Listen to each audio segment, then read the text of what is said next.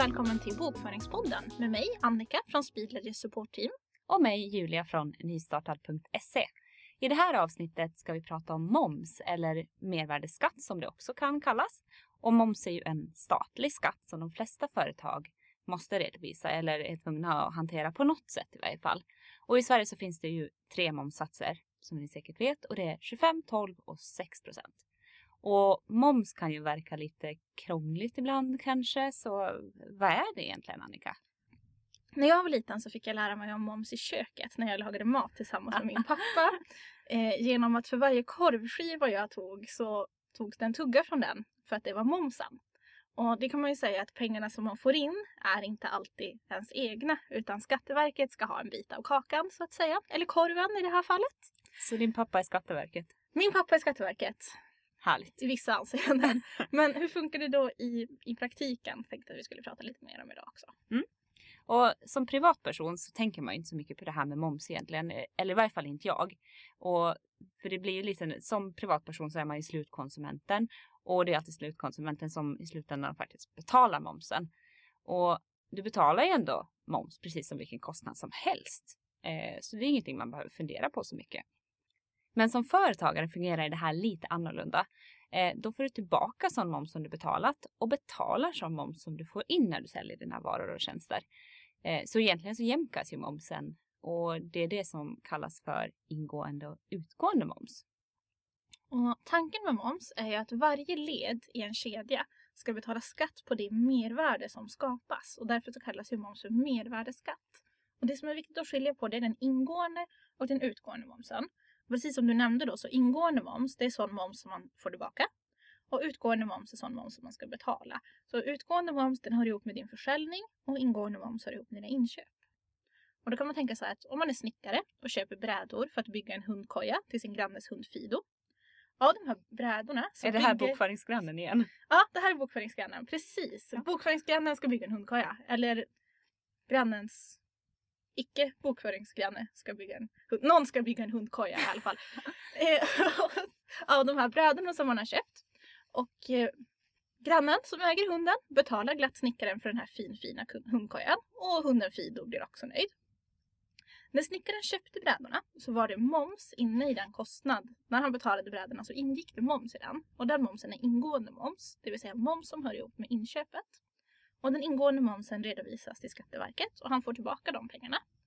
Den här snickaren kan göra så för att han är företagare och momsregistrerad. När han sedan sålde den här hundkojan till sin granne så la han på moms på priset som Fidos matte då fick betala. Momsen behåller han inte, för de ska också betalas in till Skatteverket. Och det är den utgående momsen som hör till försäljningen. Mm. Men hur, eh, det här med moms egentligen, hur funkar det och var, hur vet man eh, vad är momsen och vad är inte momsen?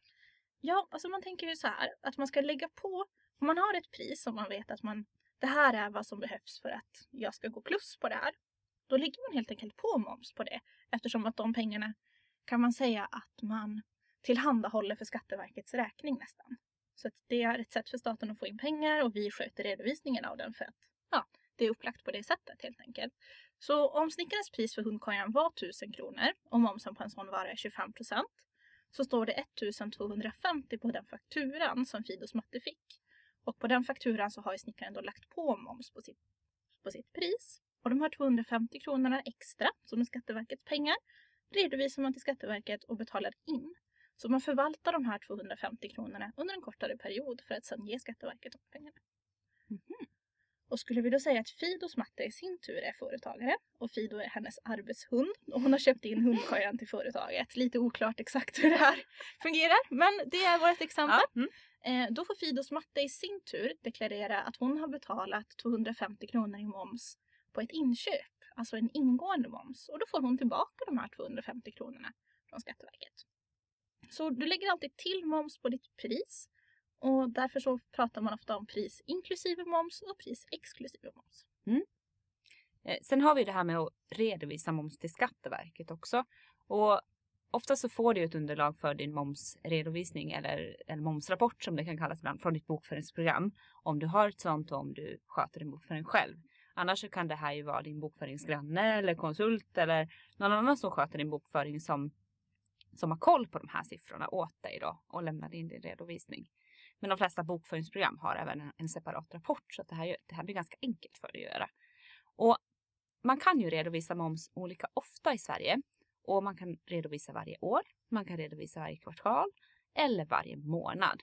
Eh, och hur fungerar det här då egentligen? Mm, det funkar ju så att när man registrerar sitt företag då får man göra ett aktivt val gällande hur ofta man ska redovisa moms. På samma sätt som man fick välja bokföringsmetod som vi pratade om förra gången. Mm.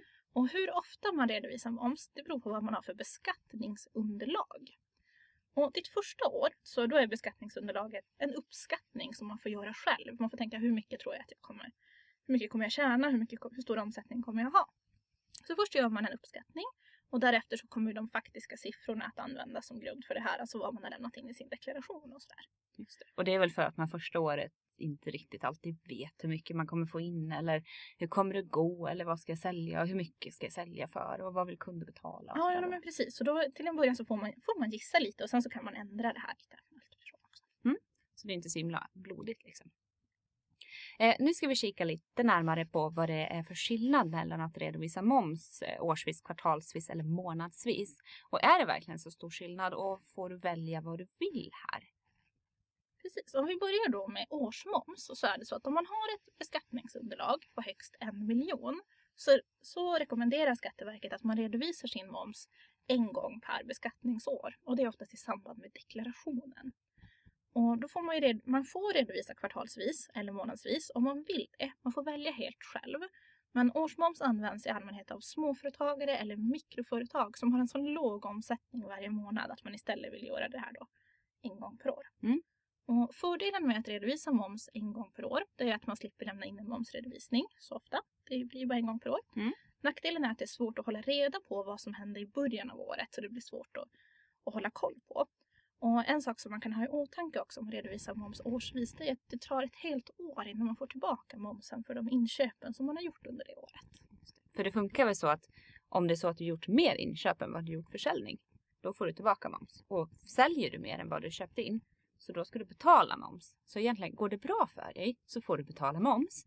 Går det lite mindre bra för dig, ja då får du tillbaka moms, eller hur? Precis. Sen så är det ju också så att du betalar ju inte alltid hela momsen på det som du har sålt för eftersom att du betalar mellanskillnaden mm. på den ingående och den utgående momsen. Så dina inköp, den momsen dras alltid av. Men det kanske inte visar sig så att du får pengar tillbaka på kontot utan det blir lite mindre att betala in till Skatteverket. När man redovisar moms en gång per år så, så kan man ju tänka så här också, det är, det är ganska skönt att slippa göra det så ofta. Eh, men det är också bra att gör, redovisa moms ganska ofta ändå om man känner att man klarar av det. Då har man lite bättre koll på, på vad som händer på kontot och vad man har för saldo på, på sin moms. Sådär. Precis, och sen så kan det ju också vara så att det är lätt hänt att man, om det är så att man ska vänta ett helt år med att betala in de här pengarna, så kan man lura sig själv lite och tro att det är ens egna pengar. Mm. Eh, och man vill ju gärna ha de pengarna kvar på kontot när det är dags att betala Skatteverket, annars kan det bli lite tråkigt. Ja, precis. Då ska vi se, då ska vi prata lite kvartalsmoms. Mm, precis. Och är det så att man har ett beskattningsunderlag mellan 1 till 40 miljoner så rekommenderar Skatteverket att man redovisar kvartalsvis. Man får redovisa månadsvis men man får inte redovisa årsvis när det överstiger en miljon, det här beskattningsunderlaget. Just det. Och redovisar man moms kvartalsvis så går det alltid per årens kvartal, kvartal alltså det riktiga kalenderårets kvartal. Så det är alltid januari till mars april till juni, juli till september och oktober till december. Oavsett hur ens räkenskapsår ser ut. Så även om räkenskapsåret börjar mitt i året så är det fortfarande kalenderkvartal som gäller. Och är det så att du har ett brutet räkenskapsår så kan kvartalsmoms vara lite extra krångligt faktiskt. Då är det ingenting som eh, i varje fall supporten rekommenderar att man har. Man kan såklart ha det. Eh, men säg att du har bokslutsdatum i mitten av ett kvartal då behöver du föra in momsen som en ingående balans i nästa räkenskapsår. Och av den, den anledningen så, så brukar det inte vara så himla smidigt att ha kvartalsmoms utan då brukar det vara bättre att ha månadsmoms istället. Och det kan vara bra att tänka på för det är ju för ens egen skull att det ska bli lite enklare. Precis. Och om ditt beskattningsunderlag överstiger 40 miljoner kronor, då måste du redovisa moms månadsvis. Och du får inte redovisa kvartalsvis eller årsvis. Alla stora bolag och organisationer redovisar av den här anledningen sin moms månadsvis. Och fördelen med att ha månadsmoms är att du varje månad blir så illa tvungen att kolla igenom dina siffror och att ha kontroll över sin verksamhet och hur finanserna faktiskt ser ut. Och det kan ju i många, många fall vara A och O för att kunna styra företaget i rätt ekonomisk riktning. Speciellt viktigt är ju det här om man gör all sin bokföring själv. Så då har man stenkoll hela tiden. Perfekt. Så du får alltså inte helt välja själv hur ofta du redovisar moms, speciellt inte om du är ett stort företag. Men har du en mindre verksamhet eller om du är nystartad till exempel så, så är det fördel om du redovisar oftare, men du får alltid redovisa per år eller per kvartal till exempel. Har du en lite medelstor verksamhet så kan du vara lite halvstyrd. Då kan det hända att du inte får redovisa per år, men du får välja mellan eh, kvartal eller månad. Då. Och ha årsmoms i början om du har en liten verksamhet, det är i princip en norm att man har det. Och börjar du känna att nej, jag vill nog redovisa oftare för att ha lite koll på momsen så kan du alltid byta upp dig. Och byta upp sig eh, brukar aldrig vara något problem från Skatteverket. Det pratade vi om förra gången också, att det är alltid okej att byta från kontantmetod till faktureringsmetod. Men att byta tillbaka sen, det, det brukar inte vara sådär superpopulärt. Stämmer alldeles utmärkt. Och någonting som man kan tänka på då när man bestämmer sig för hur ofta man vill redovisa moms, det är att ju större inköp du gör och ju större försäljning du har, desto oftare ska du redovisa moms. Ja. Precis. Så det var allt vi hade för den här gången. Kom ihåg att du alltid lägger på moms på ditt pris.